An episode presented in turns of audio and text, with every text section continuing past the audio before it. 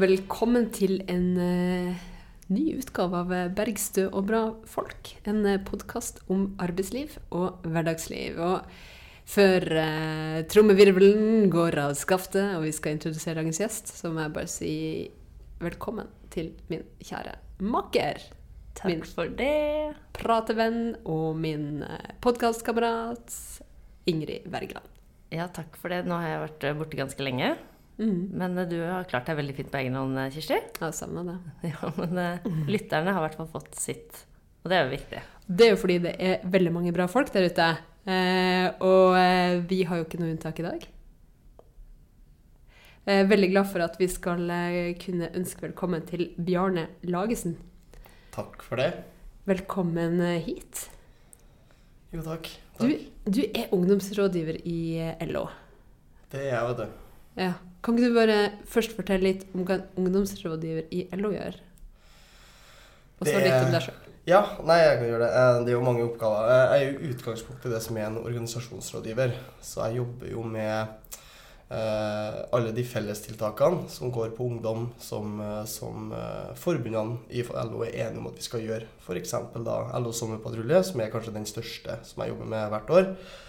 Ellers så er jeg jo rådgiver for LO sitt sentrale ungdomsutvalg, og eh, organisasjonsrådgiver på tiltak retta mot unge, og eh, hvordan vi skal få flere unge fagorganiserte, f.eks. Mm. Og LO sitt eh, sentrale ungdomsutvalg, det er da eh, ungdomsrepresentantene fra hvert forbund, da. Ja, det er helt riktig. Det er ungdomsrepresentanter. Det kan både være ansatte og valgte ungdomsledere i forbundene. Eh, Og der er alle forbundene representert. Ja, eh, det alle, alle forbund har mulighet til å, å, å mulighet til å um, oppnevne, men det er ikke alle forbund som har valgt å gjøre det og prioritere det som eh, sin oppgave. da. Eller ikke prioritere som oppgave, men de kanskje ikke har eh, så stor organisasjon at de har mulighet til å oppnevne. Men uh, ungdom, det er jo et ord mange forbinder med forskjellige ting. Hvor lenge er man ungdom i LO? Det er litt eh, varierende fra forbund til forbund. Noen forbund opererer med at du er ungdom fram til du er 35, og noen eh, har det til du er 30. Men eh, vi sier altså du er ung i arbeidslivet, egentlig. Det er kanskje rett, rettere å si. Det er jo ung i arbeidslivet, og da regner vi egentlig de som er under 35 år. Mm. Det er ikke noe som er sånn 40-årsgrense? Nei, det er det bli ikke. med der? Nei, det er ingen Nei, du kan ikke være med, du kan ikke være med der, altså. Organisere seg til ny ungdom. Ja.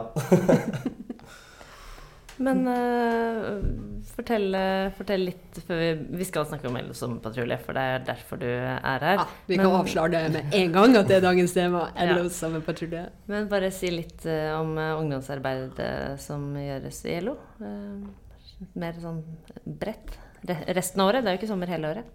Nei, det er ikke sommer hele året. Eh, det skjer jo veldig mange ting i, LO, og det, det Altså, du har jo på en måte I LO så jobber man jo både med politikk, og man jobber jo med organisasjon.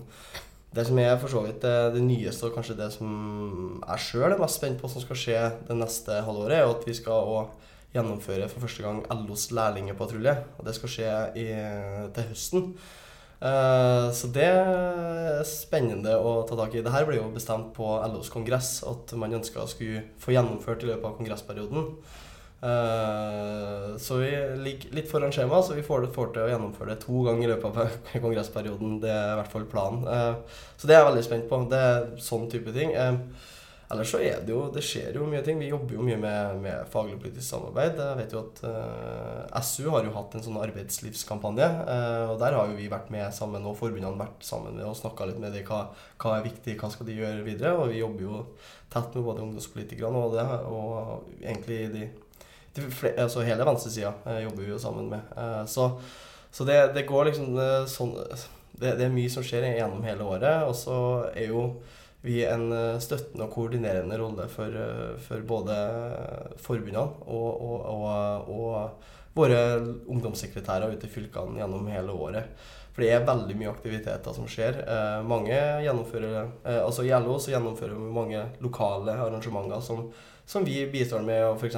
Liksom, trenger hjelp til å ha kontakt med forbund i, imellom. Det er det som er mye av rollen til LO, å klare å ha den her s- eh, koordinerende rollen imellom, eh, mellom eh, eh, forbundene. er det. Og denne lærlingpatruljen den gjøres over samme lest som eh, sommerpatruljen, da? Ja, altså den vil jo gjøres på uh, mange måter likt. Uh, men det, det, er jo på en måte en, litt annen gruppe og en litt annen måte vi må gå ut på. Fordi, fordi det er jo, når vi går sommerpatrulje, så vil vi, det går vi jo veldig mye tilfeldig. Og vi går litt hit og dit, og kanskje vi går på noen tips vi har fått. Men for lærerpatruljen så er det veldig viktig at vi på en måte kartlegger hvor er det vi har lærlinger. Uh, hvor er det vi har tillitsvalgte, og, og, og eventuelt eh, hvor vi ikke har tillitsvalgte, og vi kanskje kan møte noen lærlinger som kanskje har, virkelig har behov for å fagorganisere seg, og kanskje få til en klubb etter hvert på, på arbeidsstedet. Men det var viktig å få denne kontakten mellom de lokale tillitsvalgte og lærlinger, for å sette et fokus på hvordan, skal, hvordan er det å ha uh, som tillitsvalgt. Da, hvordan skal du forholde deg til læring? For det var ganske mye mer enn bare arbeidsliv, for der har du opplæringsplaner. Og det å forholde seg til det er jo kanskje ikke noe alle, alle tillitsvalgte kjenner veldig godt og vet så mye om. da. Så det, det er jo en del av, av, arbeidet vi skal gjøre med lærerpatruljen. Mm. Men når du sier 'hvor har vi lærlinger', er det da så mye 'hvor er det vi har altså hvor er det LOs har medlemmer', eller er det 'hvor lærlinger finnes og jobber'? Ja, da, da, sier jeg det egentlig vi som samfunn. Eh, hvor, hvor, er det, hvor, er det, det finnes lærlinger? Eh, hvor, mm. hvor, skal vi gå, hvor skal vi gjøre? Så det vil kreve en del planlegging i den, den forstand å vite hvor, det finnes lærlinger. egentlig. Så der lærlingene finnes, der de er ute i lære, der vil dere komme og besøke dem for å organisere dem og sjekke at ting er i orden? og ja, Det viktigste er at vi, vi skal, på en måte, det viktigste er jo tanken sånn som man gjør på sånn patrulje, at vi skal uh, komme og være til stede og hvis de har spørsmål og ting de lurer på. Uh, at vi, og at vi har kontaktinformasjon f.eks. til elev- og lærlingombud, og, og, på en måte sette dem i stand til å kunne, kunne vite hvem de skal spørre om hvis de har utfordringer og problemer på, i læretida. Da. Mm. Mm. Ja. Og der har dere hatt en runde allerede? Hvordan det? Så Du sa at man håpa å få det til to ganger? Nei, eh, vi skal gjøre det for første gang i år. Ja, men, altså, det men historiske... det, eh, ja, det, det, blir, det, blir, første gangen vi gjør det i, i LO-paraplyen. Eh, Fellesforbundet og Fagforbundet har gjort det i ganske mange år. Eh. Og det her kom jo som et forslag på LO-kongressen fra Fellesforbundet. Uh, så det er jo Sånn sett så vil det ikke være sånn så nytt, for de to store forbundene har jo gjort det før. Men, mm. men det vil gjøre det for første gang i hele LO-paraplyen. Så det er jo flere eh, aktører som vil få nytte av en sånn type eh, kampanje. Da. Mm, flere ungdommer. Nå breier det mm. ut. Ja. Det er kjempebra. Men så må du fortelle om LO sommerpatrulje.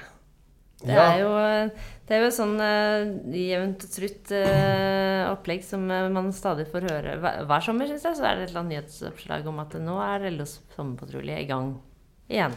Sommerpatruljen er jo uh, blitt gjennomført nå hvert år siden 1985. Uh, har jo blitt uh, en av de uh, aller største årlige kampanjene, kampanje eller aksjon, eller hva, hva man vil kalle det. da. Det årlige arrangement vi gjennomfører i LO, det er jo nå de siste fem årene så har det jo vært rundt altså I snitt så er det jo rundt 600 frivillige og tillitsvalgte og, ja, som, som deltar på patruljen. Og det de gjør, er jo i utgangspunktet så er det jo det at vi skal ut og møte ungdom på arbeidsplassen. Eh, ofte sommervikarer. Og, og, egentlig finne ut om hvordan eh, er det de har det. Egentlig ta, egentlig ta, temperaturen på arbeidslivet. Og så skal vi være der for å informere dem om pliktene og rettighetene man har i arbeidslivet. Fordi eh, sånn som vi vet, så er det ikke veldig mye du lærer i skolen om arbeidsliv. Eh, du, du kommer jo ut når du kommer ut i arbeidslivet, så har man jo veldig ofte liten eller ingen kompetanse på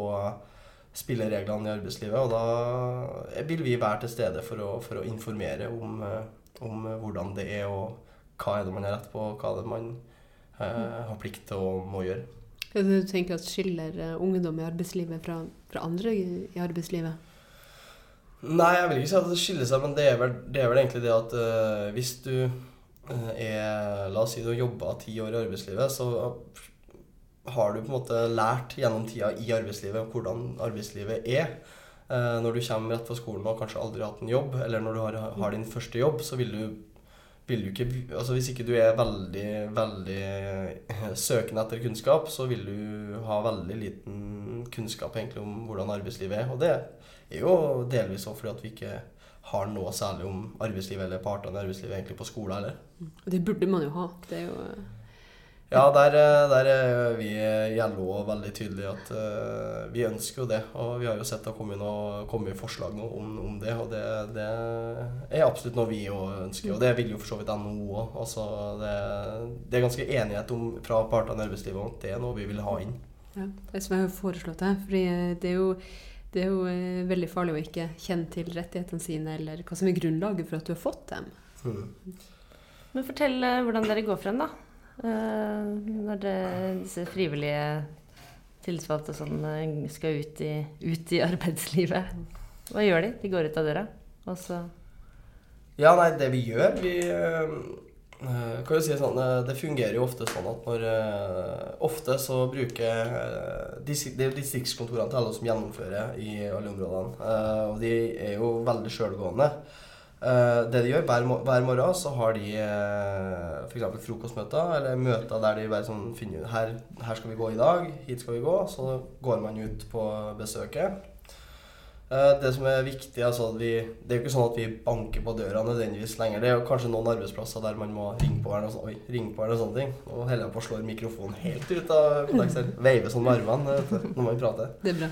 Være ivrig. Ja, det er ivrig. Nei, men uh, vi, vi, går jo inn og så ta, ta, I det år så skal vi jo følge med serveringsbransjen. Men hvis vi går inn i en restaurant, for eksempel, så går vi bare inn, så spør vi egentlig Hei, vi kommer fra LO sommerpatrulje. Eh, så sier vi hvorfor vi er, og hva vi gjør. Eh, og så spør vi har dere noen unge arbeidstakere her. Eller så, eller så spør vi hvis dere har eh, en leder, altså er sjefen her eller leder her, så vil vi gjerne snakke med dem òg, sånn at vi får liksom godkjennelse til å gjøre det.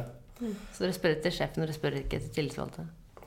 Nei, altså når vi, når vi, kommer inn, så for å få tillatelse til å snakke med ansatte, så er ja. vi nødt til å gjøre det. Ja. Eh, det, litt, det, blir litt annerledes enn et bedriftsbesøk. Vi ønsker jo bare å komme inn, og snakke med folk. Eh, mm. Men jeg er tillitsvalgt, det skjer jo òg. Eh, så snakker vi jo gjerne med de.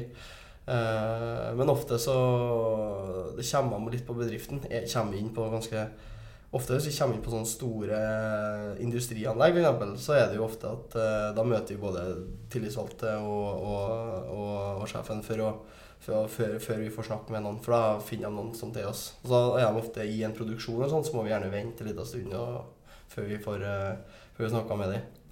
Men uh, vi blir alltid tatt imot veldig bra. Uh, det er veldig sjeldent. Jeg, jeg, klarer ikke å komme på et konkret eksempel der man har blitt nekta avgang til å snakke med noen.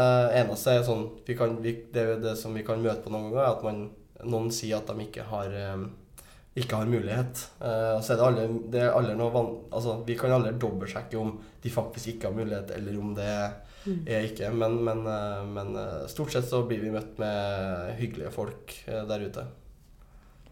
Men ja, og da Fortell om et eksempel da, på at du har gått, godt til en arbeidsplass, og så har de hatt en unge sommervikar der. Hva forteller de da? Ja, sånn, ja. Eh, nei, eh, vi, vi, setter oss ned, tar en prat med dem, og så er det sånn eh, Vi har et sånt skjema som vi følger når vi snakker med folk. Eh, der du har en del punkter som egentlig Mesteparten av de punktene er ting som går, arbeids, går ut fra arbeidsmiljøloven. Så, men det er sånn typiske spørsmål om eh, Har du arbeidskontrakt? Eh, hvilken lønn? vet du hvem som er verneombudet ditt? Eh, Eh, er det tariffavtale på stedet? Altså eh, alle sånne grunnleggende ting, da.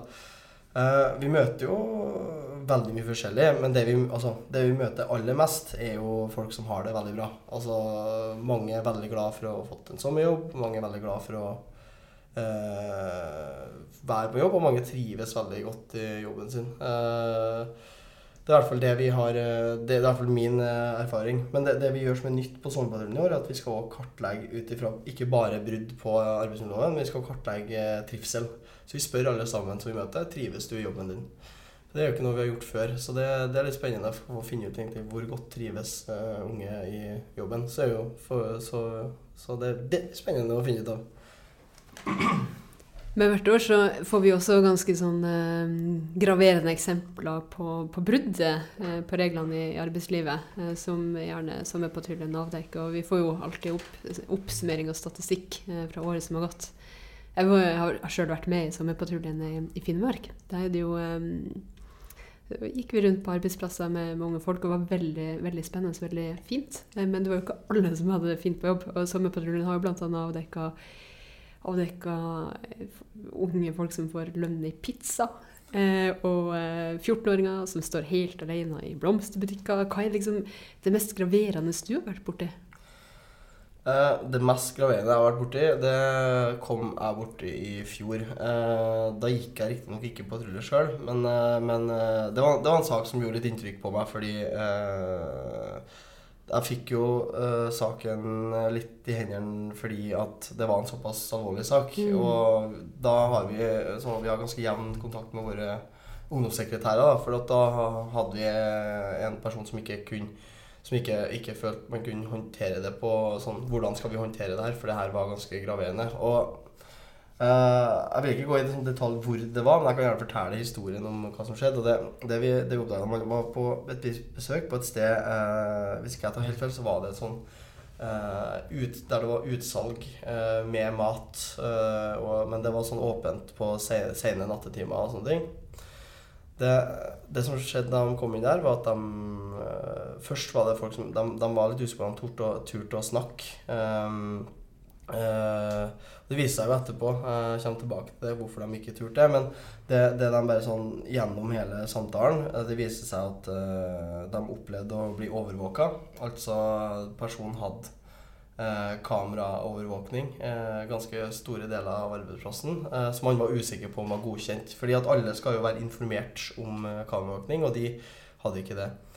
Uh, I tillegg så var det kun uh, unge jenter mellom 16 til 22 som jobba der. Uh, og de måtte òg passe inn i en uniform. Hvis de, altså, de måtte være en sånn Rent fysisk? Ja, rent fysisk. De måtte passe inn i den, den uniformen.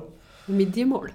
Ja, rett og slett. Mm. og um, det var I tillegg til det så var det jo um, Akkurat med det med kameraovervåkninga så var det, ble det jo fortalt en historie om det her om at det var Det var um, han, eh, altså Sjefen han hadde sagt at her eh, man hadde ikke kameraåpning på, på, et gitt område, men det viste seg at han hadde uh, skrevet melding uh, til de når de har vært inne på det rommet, at han hadde sittet og sett på. Og det var det rommet der man uh, skifta klær innpå.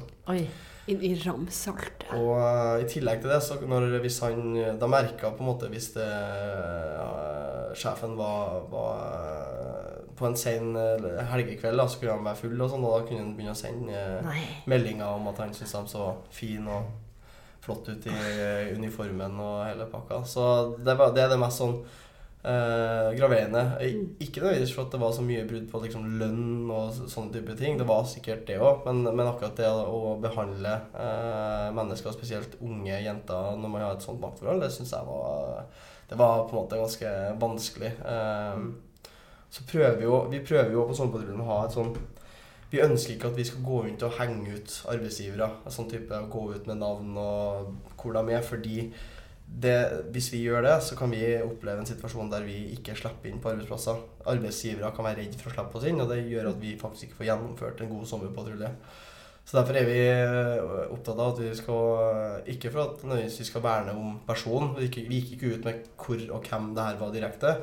Men, og det er òg for å beskytte de som faktisk opplever det òg. Eh, de det er ikke alle som har lyst til å stå fram i avisa og si at eh, arbeidsgiveren min har gjort det her og her med meg. Så det, det er liksom, vi, vi, er veldig opptatt av taushetsplikten, og, og, at vi ikke skal navngi og si hvem var hvor når vi er ute på sommerpatrulje. Så når dere kommer på besøk på en arbeidsplass, så kan folk med deg være helt trygge på at det blir eh, tatt godt eh, vare på, det man forteller fortelle sommerpatruljen som kommer? Absolutt. Eh, alle som deltar på LA sommerpatrulje, er nødt til å signere en taushetserklæring. Mm. Skal, altså der står det du har ikke lov å snakke om Altså Man har ikke lov å si hvor man har vært på besøk, hvem man har besøkt, eller, eller ja, alt, alt, mulig sånn. Og en, altså uh, Det har jo kommet masse GDPR, er noe som ganske mange begynner å kjenne til. Men altså, det ble jo skjerpa inn i fjor, eller år, ja, i fjor. Vi har skjerpa ganske mye på samtykkeerklæring på at vi kan bruke informasjonen og vi, de vi snakker med, og at vi kan bruke det til tall og data. Mm. Vi bruker det jo ikke til noe annet enn det. Og hvis man ønsker oppfølging, hvis man er fagorganisert og de ønsker at vi skal gjøre noe med oppfølging, eventuelt de ikke er fagorganisert og vi, de ønsker oppfølging, så har vi jo en samtykke for at vi skal få lov å gjøre det. Og da er type Arbeidstilsynet vi kontakter, eller det forbundet de er fagorganisert i. Mm. Men hvis du møter noen ute på en arbeidsplass som ikke er organisert, og så sier du at her trenger de hjelp, holder det da at de melder seg inn på stedet, og så eh, kan man stille opp for dem, sånn som man gjør for medlemmene sine i LO? De, eh, de jentene jeg snakka om i stad, de som opplevde den eh, de, de var jo eh, De hadde jo De var jo ikke fagorganisert. Men mm. der ble de fagorganisert, og der var det jo såpass graverende at der valgte det forbundet å ta, uh, ta, tak i saken uh, og gjøre det. Men det er jo Altså, sånn Det å være fagorganisert òg er jo på en måte en, en, jeg, altså, jeg, er ikke helt så veldig glad i sammenligning med forsikring heller, men, men, det er jo en sånn karenstid på hvor, når, når, du melder inn hvor lang tid har ting oppstått før du ble medlem. Eh, det er jo mange forbund som har den type reglement, og det er jo for at man ikke bare skal melde seg inn, melde seg ut, melde seg inn, melde seg ut. Vi ønsker jo å ha medlemmene hele tida. Men, eh, så jeg skal ikke gå inn i debatten på om, eh, om hvordan man skal, skal, gjøre det. Fordi, men det er altså karenstid noen plasser. Så det er ikke noe, hvis de melder seg inn på stedet og de opplever ting i forkant, så er det ikke alltid vi kan gjøre at forbundene kan gjøre det. Det må forbundene sjøl ta en avgjørelse på. Så det beste man gjør når man eh, skal inn i et arbeidsforhold, det er å organisere seg i starten? Det er alltid det beste å gjøre, er å fagorganisere seg i starten. En del av jobben min som ungdomsrådgiver er at jeg får masse henvendelser fra unge uh, rundt omkring i hele landet som kan oppleve vanskelige situasjoner på arbeidsplassen sin. Deriblant foreldre som opplever at ungene deres har vanskelige situasjoner på jobb. Og det er noen ganger det er veldig vanskelig for meg, for at uh, LO er jo ikke forbundet. Og det er ikke jeg som kan ta avgjørelse for kan vi hjelpe deg eller ikke. Sånn rent juridisk, hvis man ikke er medlem og melder seg inn her og da. Så jeg kan aldri love ut noe sånt. Mm. Men da sier jeg det beste tipset jeg kan gi da, hvis man opplever noe og man ikke er fagorganisert, så vil jeg, vil jeg si at det beste tipset jeg gir da, er at de unge eller hvem som helst, egentlig. Men at man, man kontakter det forbundet man har meldt seg inn i, og spør om, spør om og forklarer situasjonen. Men det er jo ganske mange som er sånn ungdomsmedlemmer, eller eh, når man går på videregående skole, eller student og, og sånne type ting. Ja. Vi har jo eh, elevmedlemskap i en del av LOs forbund og i LO. Eh, nå er jeg sånn medlem i forbundene, men du har elevvennskap, men elevvennskapet gir deg egentlig kun tilgangen til å delta i LOs aktiviteter. Delta på en måte på sommerpatrulje, være med. Eh, det er ikke et medlemskap som egentlig eh, funker for, for å være i arbeidslivet. For da vil du ikke, du vil ikke kunne ha hjelp. Med en gang hvis du er skoleelev og har en deltidsjobb på sida, vil jeg, da vil jeg si at du bør, bør være ordinært medlem, og, og for da, det er da du kan få den hjelpa. Mm. Så har vi jo lærlingmedlemskap for de som eh, er lærlinger. Eh, noen forbund, Eh, der vil jeg jo trekke fram mitt gamle forbund, som har gratis eh, lærlingmedlemskap med fulle rettigheter i hele læretida. Syns jeg er kjempe, en kjempebra måte å organisere lærlinger på. Fortell, fortell hvilket forbund det er, da. Å oh ja, sa jeg ikke det? NNN, eh, Norsk nærings- og nytelsesmiddelarbeiderforbund. Det er lange og stolte navnet. Ja, lange og stolte navnet. Mm. Så har vi jo studentmedlemskap. Uh, der er det litt varierende hva forbundene egentlig har av, har av kostnad. Men det vil si sånn nesten litt sånn snitt, snittmessig, da, så er det jo at man har 250 kroner semesteret. Og da får man jo med innboforsikringa, f.eks., som man har i i, eh, i eh, LO-medlemskapet i LO-favør. Så å være student med, altså er du student og ikke medlem av LO, det syns jeg kan være veldig Altså, du, du, får jo veldig mye igjen når du får en innboforsikring som er verdt en 3500 i, i, i året. Så koster det 500 kroner året å være medlem. Så er det en del av de fagforeningene som har, har, studentlag og aktiviteter også på studiestedene, sånn at man, man får en Absolutt. tilhørighet til, til eh, forbundet også? Du får jo en absolutt, eh, du får jo en tilhørighet. Og vi har jo, vi har jo et nytt uh, prosjekt i oss, som uh, går uh, på studenter. Det at vi skal opprette studentforum på forskjellige, på, på forskjellige studiesteder. Så det er en ganske bra satsing nå for å få mennesker med høyere utdanning og studenter til å organisere seg også i LO.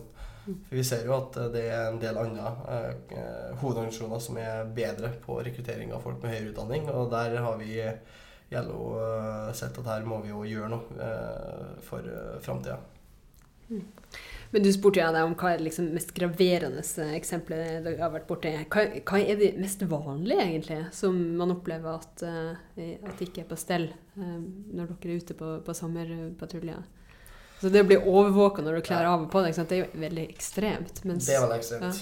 Ja. Uh, den best, altså Vi skal ta den hele middelveien, da. Vi hvis jeg, hvis jeg, tenker et helt vanlig besøk må gjennomføre, så eh, er det gjerne et besøk der man uh, går gjennom eller går gjennom skjema, og så bare oppdager man at kanskje at her er det én liten ting. Altså ett brudd f.eks. på arbeidsmiljøloven. Det kan være f.eks. at det kan være f.eks. en ting som at man ikke har blitt informert om hvem som er verneombudet, og at man er der på andre arbeidsdag. For vi møter veldig mange som er en av de aller første arbeidsdagene sine. Mm. Og, det, og, og verneombud er en sånn ting man, som står i loven at det er både en plikt og en uh, rett å bli informert om. Så det er sånn veldig vanskelig å si om det her er et brudd. Men, men, det vanligste er at man opplever kanskje uh, bare sånn, altså at Det kan være en sånn liten, liten småting uh, som man opplever, og så bare sier man ifra hvis man opplever det, så er det ofte at man tar, kan vi snakke med f.eks. sjefen eller et eller annet etterpå og si at eh, vi oppdaga det her. Er det noe man kan fikse nå, eller er det noe sånt? Så det er det, det vanlige. Uh, men uh, går gjennom mange besøk, altså mange besøk som du ikke oppdager noen ting som er sånn utafor i det hele tatt. Så det, det er liksom Men det, det, det er jo ekstremtilfeller der du opplever ganske sånn ja, ville ting, da, egentlig. Hvorfor er det så viktig å vite hvem verneombudet er? Jo, eh, det her er jo viktig fordi eh, ungdom, eller unge i arbeidslivet, eller folk som er nye i arbeidslivet, og det er egentlig uh, Og for så vidt de som ikke snakker språket, som Så det vi ser på høyest på skadestatistikk i arbeidslivet, det er jo Uh, unge, nye i arbeidslivet, og de som er uh, arbeidsinnvandrere. Uh, så, så det, et av grepene på det vi, som ble gjort på Sommerpatruljen i jeg tror det er tre eller fire år siden, var at man ville ha inn det punktet om verneombud. fordi det er viktig å vite hvem kan du kontakte. Og verneombudet går jo på arbeidsmiljø og ikke bare sikkerheten. Det er jo helse, miljø, sikkerhet de, skal, skal følge opp.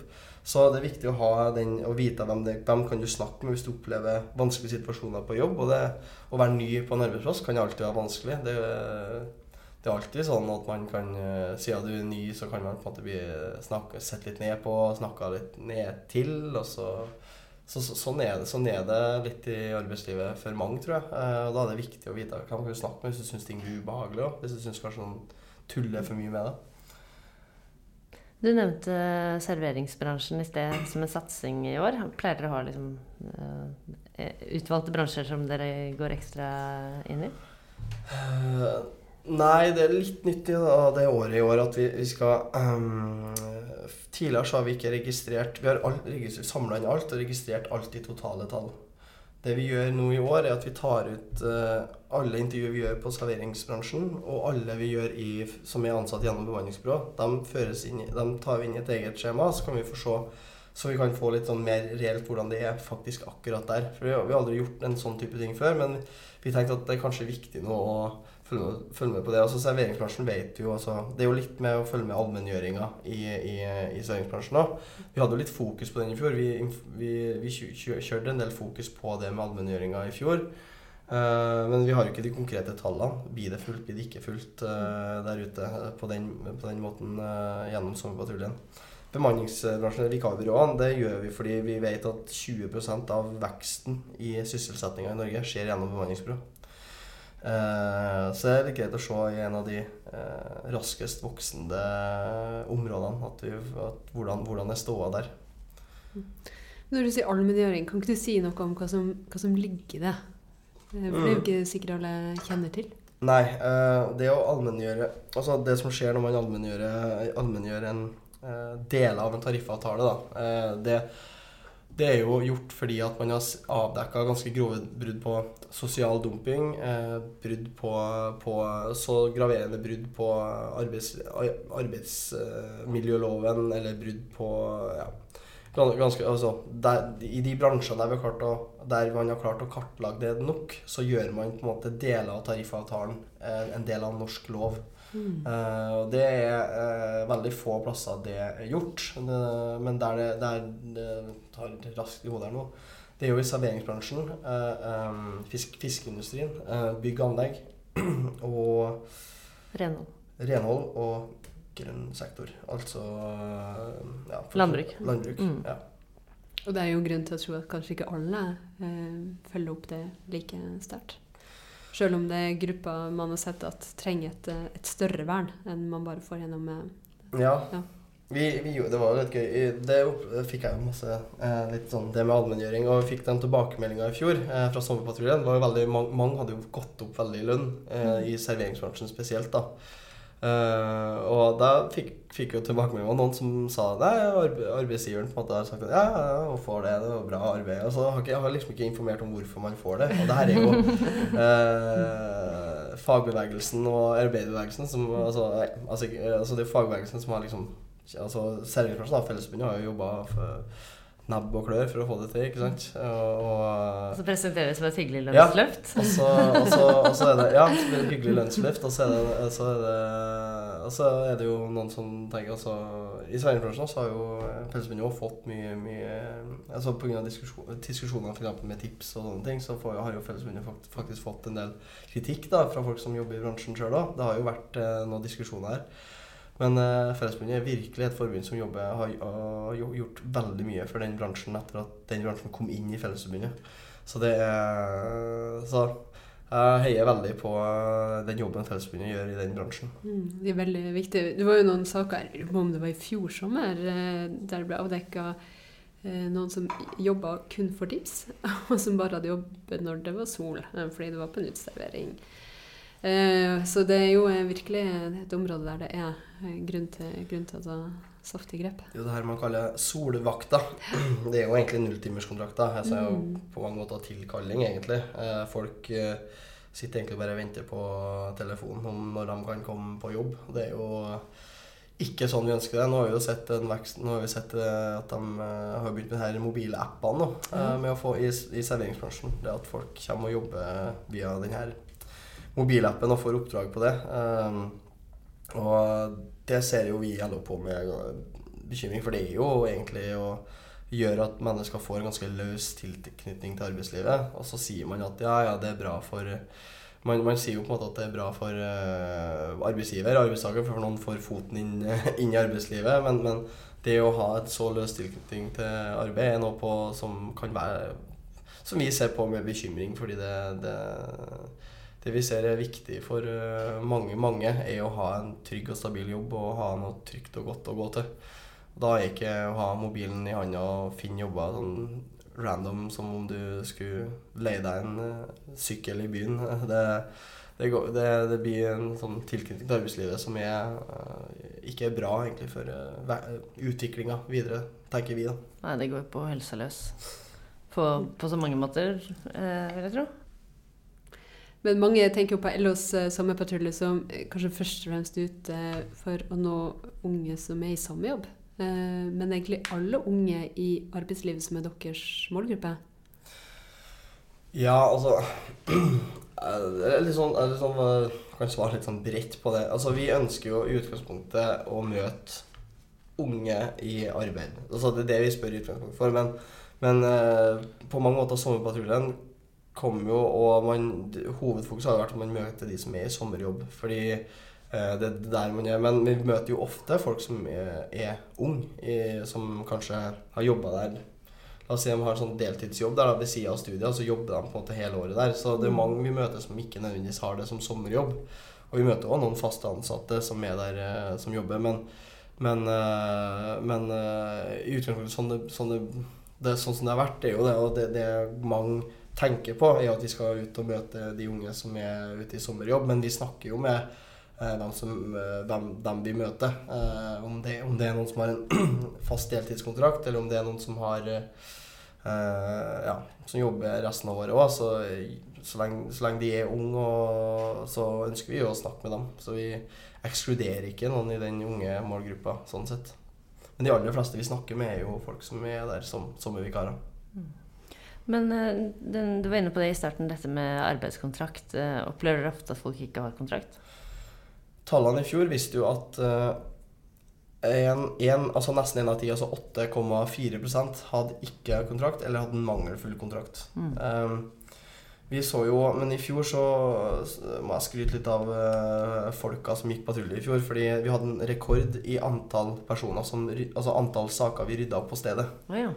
Det, det, er jo veldig bra. Ja. Eh, vi øka Vi nesten dobla tallet fra året før, og da hadde vi eh, nesten 1200 mindre besøk enn året før. Så jobben som ble gjort i forhold av de der ute, som, som, som var på og ordna ting på stedet, det var veldig fint å se. Men, men Hvordan gjorde de det? da? Hadde de med seg utskrifter av standardkontrakt og sånn, eller? Nei, men også, jeg husker, jeg har jo opplevd det sjøl. En gang jeg gikk patrulje, da møtte, var vi ute, og så møtte vi jeg tror vi møtte en 16-åring som ja, Det var jo kanskje tredje arbeidsdag. Eh, og loven sier jo egentlig at du, du så arbeidskontrakt skal skrives så raskt som mulig, og ikke seinere enn etter en måned. Men så er det jo sånn at eh, alle arbeidsforhold skal ha kontrakt. Så noen, hvis de jobber én dag, så må jo de skrive kontrakt den dagen de jobber. Uh, men, men uh, som, var, som, jeg sa der, da når vi møtte dem, så var det ikke en kontrakt. Så spurte vi ok, kan vi, kan, vi, spørre sjefen din om vi kan skrive en. Og så det sånn Ja, det har vært litt sånn travelt og bla, bla, bla. Så sa jeg ja, ja, men vi, kan vi skrive en nå? Ja, ja, ja, ordne det. For det, det, er noen som kommer Når de møter oss i sommerpatruljen, så tror de at vi er en sånn de tror vi er ekstremt farlige. da. De blir sånn nesten litt på tuppene når vi kommer. 'Ja, vi skal finne en ungdom til dere.'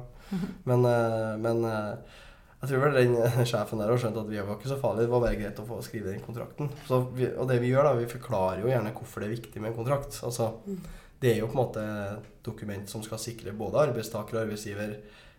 sånn at de ikke skal ha noen misforståelser i arbeidsforholdet. Sånn hvor mange timer skal man jobbe? Når skal man jobbe, hvor stor stillingsprosent er det, i, og hvilken periode skal man arbeide og sånne ting. Så det er jo hele sånn Dokumentet arbeid, arbeidskontrakt er jo viktig for å unngå alle de misforståelsene som kan komme. da. Mm, kanskje lønn? Ja, lønn f.eks. skal mm. stå i arbeidskontrakten. Uh, og noen plasser står det lønn etter tariff, og da det, skal det stå hvilken tariffavtale det er inni der. da. Mm. Og hvor man skal jobbe? Og hvor du skal jobbe, og hva du skal gjøre. Mm. Jeg må jo si eh, det er jo, det er jo Kontraktene kan jo være veldig forskjellige. Det, det, hvor du skal jobbe, det skal stå i kontrakten, fordi eh, det er jo noen som jobber litt sånn her og der. Sånn, mm. altså Når man jobber f.eks. i noen, har, jobber en plass som har en eier som har flere butikker, så har man på en måte skrevet en kontrakt at du skal jobbe Eh, der og der etter avtale, f.eks. Mm. Og det er litt sånn Det er ganske grenseland om hva som er For du skal ha et arbeidssted, du skal vite hvor du skal møte hver dag, og, mm. og den type ting.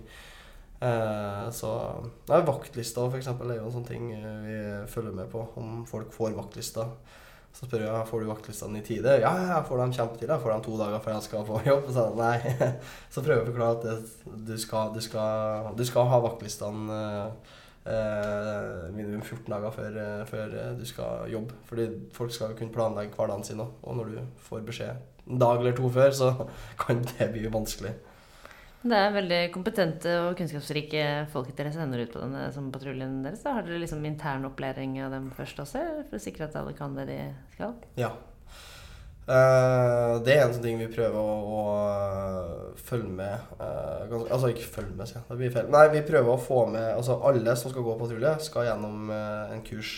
En kurs, altså en sånn Kall en skolering eller mm. sommerpatruljekurs. da, Det gjennomføres. Alle, det er distriktskontorene som gjennomfører det. Men i år så har vi for første gang klart å fått på plass et standardisert kurs som alle, så at alle har en felles skolering som er likens. Som er Eh, med tydelige mål for hva deltakerne skal være gjennom for å gå patrulje. Fordi eh, det er veldig viktig for patruljen at vi eh, uansett hvor vi er i landet, så gjør man det på lik måte. Hvordan vi møter folk, og at folk har felles forståelse for hva er det vi gjør, hva er det patruljen skal ha som oppgave.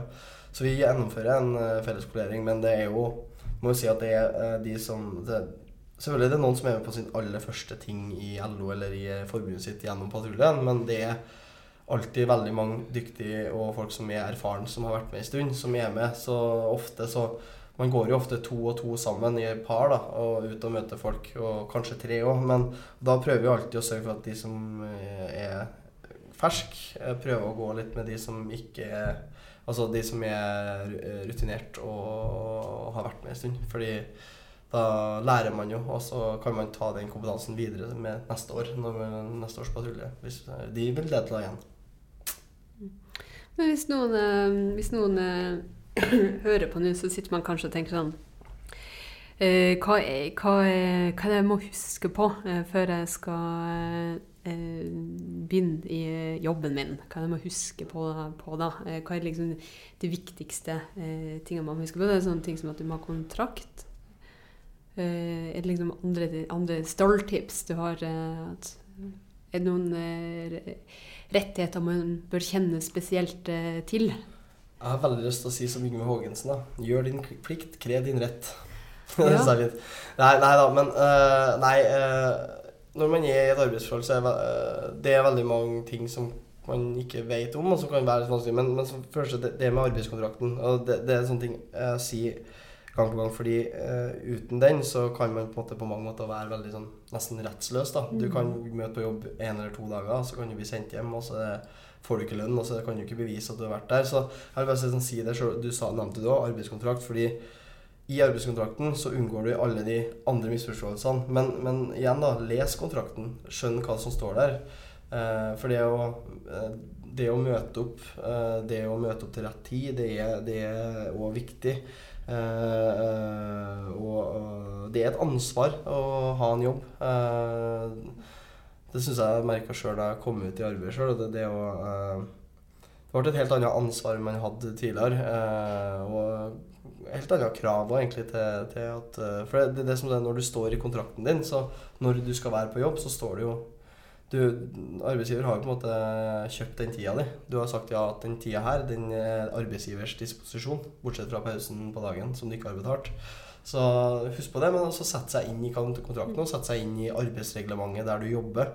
Sette seg inn i i, i f.eks. har vi tillitsvalgte, har vi en tariffavtale, eh, hvem kan jeg snakke med eh, om de og de tingene. Eh, så alle, det å sette seg inn i eh, spillereglene på arbeidsplassen, det, er, det, det er, kan være veldig viktig. For det, da går man ikke og lurer på ting. Vær å være nysgjerrig og spørre om ting. Men eh, Og heller ikke være redd for å si ifra hvis man opplever eh, at OK, uh, lunsjslipp, eller hvis lønna kommer sent, eller Det er jo bare altså, man, må si, man må si ifra. eh, og helst eh, være fagorganisert og gjøre det gjennom fagforeninga, for da har man flere som står bak deg, som kan hjelpe deg med de tingene. Mhm. For det er jo klart at man skal gjøre sin plikt og kreve sin rett, men det er jo vanskeligere hvis man ikke vet hva man har eh, krav på. Da er det jo eh, veldig bra at man har eh, ungdomsarbeid i LO som lager materiell spesielt for ungdom, sånn at man, man får en innføring i, rettigheter i arbeidslivet og, og plikter.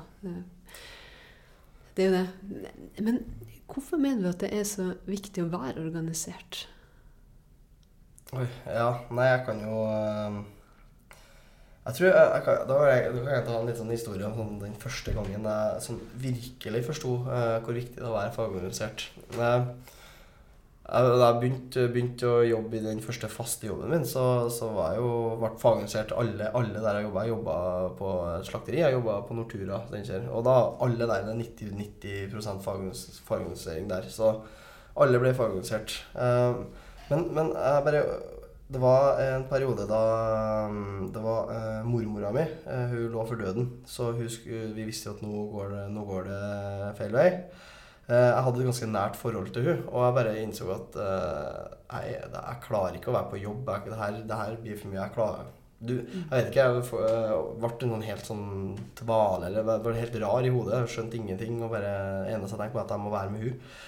Eh, så jeg bare sånn sa ifra at jeg kommer ikke på jobb, og bla, bla. For meg så følte jeg Da sa jeg at det her er For, for min del så var det her uh, Jeg mente det var en egenmelding. Altså at det her er en, uh, en egenmelding. Jeg er ikke psykisk i stand til å være på jobb. Så det var en egenmelding for meg. Så ble jeg møtt sånn etterpå, da når jeg kom tilbake. Så Nei, det, du tok, her tok, tok du ferie eller permisjon uten lønn. Og jeg var sånn, jeg bare, Hæ, hva er dere snakker om? Og, så, så det der eh, fikk jeg sånn for første gang bruk for de tillitsvalgte. For alene i den situasjonen har aldri i verden Jeg endte jo på at jeg fikk eh, lov å skrive egenmelding for de dagene. Fordi man, man gjorde det jo gjennom tillitsvalgtapparatet. En sterk klubb som sto bak meg og hjelpa meg gjennom der. Så det var første gangen sånn min aha-opplevelse over eh, når man virkelig trenger en fagforening, eller, eller trenger klubben. Fordi jeg tror det er veldig mange som i arbeidslivet og tenker at jeg trenger ikke det, det går bra for meg. Men så plutselig en dag så står det der. Og det for meg så var det der fire år ute i arbeidslivet på den arbeidsplassen. Så det er bare sånn plutselig så trenger du det, uh, uten at du tenker over det. Det blir litt som når du uh, plutselig brenner huset ditt ned, og plutselig trenger du forsikringsselskapet. Altså, ja, det, er, det, er, litt på den måten der. Du, men selvfølgelig, klubben uh, gjorde masse andre ting som er liksom Men det er ting man ofte tar for gitt i det daglige arbeidslivet. Sånn type ting at lønna øker hvert år, så øker du. Altså, det er jo forhandlinger som man ikke tenker over når man nødvendigvis når man står på arbeidsplassen og bare ting går, og du ikke er aktiv i foreninga. Så, øh, men, men, det er alle de her tingene der. Det å være fagorganisert, det å være i det fellesskapet som sammen sikrer at både øh, rettigheter sikres på arbeidsplassene rundt om overalt, og det å være i et stort fellesskap som da igjen gjør at hele, hele, fagbevegelsen sammen har en sånn enorm innflytelse på hvordan Norge skal være. Da. Eh, det å være en del av det fellesskapet tror jeg veldig mange undervurderer. Hvor viktig det er at man har de sterke altså har sterk og høy organisasjonsgrad. og det, bare, det det, bare det det gjør for storsamfunnet igjen, eh, det er jo Men eh, det er så mange, så mange ting jeg skal tenke på som uh, gjør det viktig. Men jeg tror nok de aller fleste i sitt daglige liv har mest nytte av den lokale klubben sin. De lokale tillitsvalgte. Uh, vi i LO har jo 60 000 tillitsvalgte, og alle de uh, jobber hver dag for at, for at medlemmer og folk på arbeidsplassen skal ha det bra. Så jeg tror nok det aller viktigste medlemsfordelen man har, er jo de tillitsvalgte. Så det var et veldig langt svar, men uh, da endte jeg opp på tillitsvalgte. Uh, at du har noen som stiller opp for deg når det gjelder? Absolutt. absolutt. Det er jo en måte å ta makt på. Ja, Organisere seg. Ja, det er jo ja, det. Ja, ja, ja, ja. absolutt. Ja, fordi eh, det er jo klart at du sier at i det daglige så tenker man kanskje ikke over at lønna øker og sånt, men det er jo ikke gitt at lønna går rette, rette, veien når man ikke har sterke um, fellesskap som kan sikre at man får sin fortjente andel av kaka. Ja, det, det er sånn at Vi skal trekke det over til sommerpatruljen. Vi ser jo veldig tydelig gjennom sommerpatruljen at det er de områdene der det er lav organisasjonsgrad, der det er ikke folk, folk ikke folk fagorganisert, der eh, er det verre forhold. Mm. mm. Gang på gang. Altså, det er alltid. Eh, så, eh, og der det er eh, høy organisasjonsgrad og sterke klubber, der er ting nesten Altså, der er ting stort sett på stell, altså. Så det, det, er, det er ja, Det er jo stort sett spesielt litt overalt, da, må si det. Men, men altså, man, man, ser forskjell på både, både lønn mm. og, og, og, arbeidsvilkårene i de plassene der folk eh, ikke er fagorganisert. Mm. Så, er det jo eh, det er jo klart at vi har jo liksom arbeidsmiljøloven og, og, og, viktige verktøy som skal skjerme folk eh, mot skeive maktforhold i, i, arbeidslivet.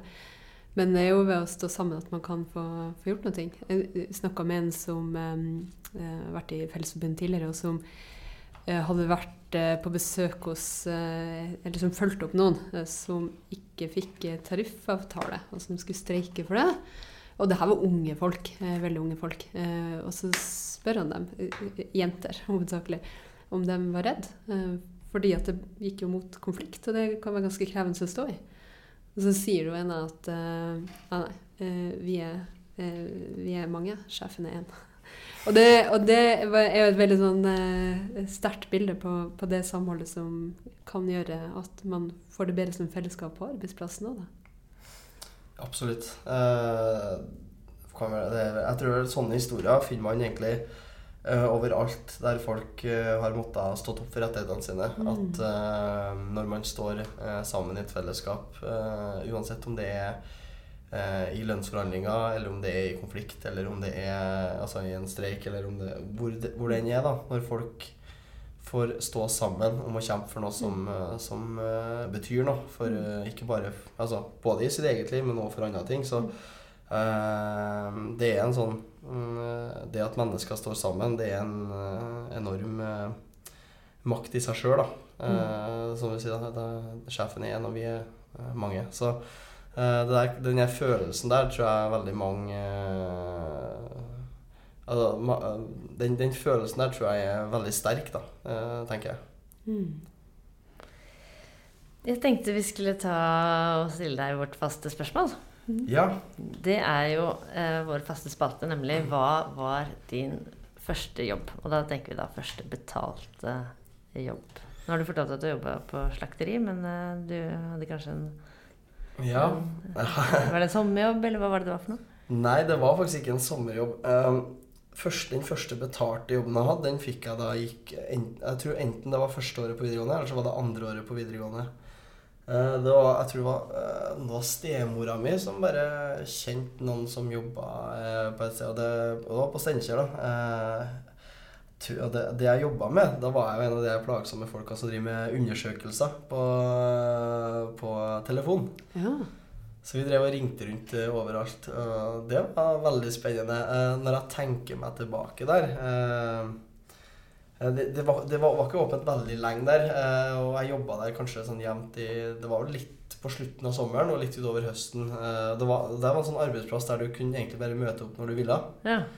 for de hadde masse PC-er, liksom, og de hadde oppdrag, så de hadde sikkert veldig mange ansatte der, vil jeg anta. Men var, da kunne du bare møte opp og skulle betale over PC-en, gjøre undersøkelser, så fikk du betalt per undersøkelse du gjennomførte. da. Oh, ja. uh, så, så, hvis noen slang på røret, så ble det Ja, da fikk du ikke gjort ferdig undersøkelsen. da. Uh, men det var veldig mye sånn, veldig sånn enkle undersøkelser. Ting som var som, som Det var, var, en del sånne undersøkelser som var veldig sånn De var veldig kort. Det var sånn veldig, Hvilket parti vil du stemme på? Altså, vi gjorde på vegne av noe. Det var alltid veldig gøy når vi Det var, noen, var, en gang vi gjorde en undersøkelse som gikk på Det var på vegne av Forsvaret. Vi, vi, har fått oppdraget fått vegne av Forsvaret, en undersøkelse om eh, oppskytinga blant befolkninga for eh, det norske forsvaret. Mm. Og når du sier sånt, eh, når du sier at du vil ringe på vegne av Forsvaret, alle svarte. Og rett igjennom. Det samme var, husker jeg det var sånn når vi ringte abon abonnenter til f.eks. For forskjellige magasin og blad. Da var det sånn kjempeenkelt å få svar. Ja. Eh, for da har, har, føler folk en identitet ja, ja. i det du ringer. Men det, det var første jobben. Og jeg, faktisk, jeg hadde nesten, nesten glemt av den før uh, tidligere i dag. Da jeg begynte å tenke på den. For jeg har alltid tenkt at første jobben min Men det kan godt hende at jeg tenkte at det var den første ordentlige jobben min. var Nortura og da jeg gikk dit. Men det der var den første betalte jobben jeg hadde. Men det høres ikke ut som det var et sted med tariffavtale? Der var det ikke tariffavtale. Uh, jeg husker jeg fikk sånn der uh, De gikk vel konkurs utover høsten der òg, så, så uh, jeg, fikk, jeg, husker jeg fikk sånn feriepenger For jeg hadde feriepenger til overs. Som jeg fikk sånn, det var sånn konkursgreier. Da måtte jeg sånn sende inn sånn for å få de Da måtte jeg gjøre noe for å få de pengene, for de hadde jo ikke de pengene. Så jeg måtte sende inn til en eller annen plass eller noe sånt for å få det. Jeg husker ikke om jeg gjorde det eller ikke. Hadde du kontrakt? Uh, det tror jeg sannelig ikke, altså. Nei, det kan godt jeg hadde. Jeg husker ikke helt. Var du, var, du, organisert? Da var jeg ikke organisert. Hvor er det man skulle vært organisert hvis du hadde vært det? Jeg tenker at det må være handel og kontor. altså. Mm. Jeg har jo ikke reservert meg mot sånne telefonsalg. Og det er fordi når de ringer, og jeg har tida til det, så bruker jeg alltid å se en prat. Ikke fordi jeg skal bytte strømleverandør eller uh, holde meg til Varanger Kraft, for de satser stort på lærlinger. Eh, og lokalt. Eh, eller for så vidt ja, mobilabonnement og sånt. Men da kan man ta en god prat om hvordan de har det på jobben. Så da sier jeg alltid at jeg trenger ikke å, å bytte telefonabonnement, men jeg lurer på om du er organisert på jobben din. Og da får vi ofte en veldig god samtale rundt det. Det er veldig fint. Altså, grunnen til at jeg eh, alltid svarer, er at da jeg gikk på sosiologi på, på Universitetet i Oslo, så sa foreleseren det er veldig viktig å svare på spørreundersøkelser. Hvis ikke blir svarprosenten så lav. Da blir det elendig forskning. Så var det sånn, ja, men Noen ganger er det bare sånne kundeundersøkelser. Sånn. Ja, ja, men det blir dårlig, det òg. Så dere må Men eh, det er gått, jeg har gått litt bort fra det noen ganger. Men jeg pleier, jeg pleier mer å svare av, eh, av sympati for, eh, for, de som jobber. For jeg vet Jeg har jo jobba i MMI selv. Ja. Eh, og da jobbet jeg i den politikk- og samfunnsavdelingen med å lage undersøkelsene. Men da, for, når vi skulle sette i gang dette ringeapparatet til å, til å gjøre undersøkelser, så pleide vi, pleide vi, å teste ut undersøkelsene selv hvis vi hadde laget dem. da. Og det var, eh, det var trått, altså. Det var nettopp det. Det var så mange som, som sa nei. Så det var mm. ja. Og det må man huske på i alle livets forhold. Det er arbeidsfolk i andre enden. Ja, jeg må, jeg må, si det. altså uh, Sjøl pga. at jeg jobba en gang med å drive og ringe folk og gjøre undersøkelser, så jeg er aldri den som bare legger på til folk som uh, gjør undersøkelser. Eh, fordi eh, jeg bruker alltid å svare på det, eh, stort sett. eh, hvis ikke jeg er sånn kjempe, kjempeopptatt. Men da ber jeg dem ringe meg senere. For jeg synes det, det å delta i undersøkelser det er jo på mange måter viktig òg. For får man oppslut- altså, Spesielt når det er samfunnsspørsmål og sånne ting. Eh, jeg tror jeg er litt strengere når jeg får telefonsalg. Eh, det, det kan jeg bli litt sliten av. Det. Noen ganger. Eh, for det ringes litt ofte. Uh, senest satt imot en i dag. Ja, husk å organisere dem, da. Ja, det, skal jeg prøve, det skal jeg begynne med. Ja, må det, det er noen helt nye type ting jeg aldri har tenkt på før. Eh, De trenger det. De Ja. får så mye drit i løpet av en dag. De trenger det. Sterke fellesskap. Tusen takk for at eh, du kom til oss. Eh, Jeg ønsker deg og alle andre som skal ut på veien eh, for eh, LOs sommerpatrulje, lykke til. Tusen takk for det. Det var veldig hyggelig å være her. Det var en kjempehyggelig eh, samtale, det her. Eh, Så lykke til videre med podkasten nå. Jo, takk for det. Takk for det. Og takk eh, til deg som hørte på. Vi håper du fortsetter med det. Eh, Lik, del, tips, og eh, kom med tilbakemeldinger hvis du måtte ha det. Da sier vi bare takk for i dag. Ha en deilig dag videre.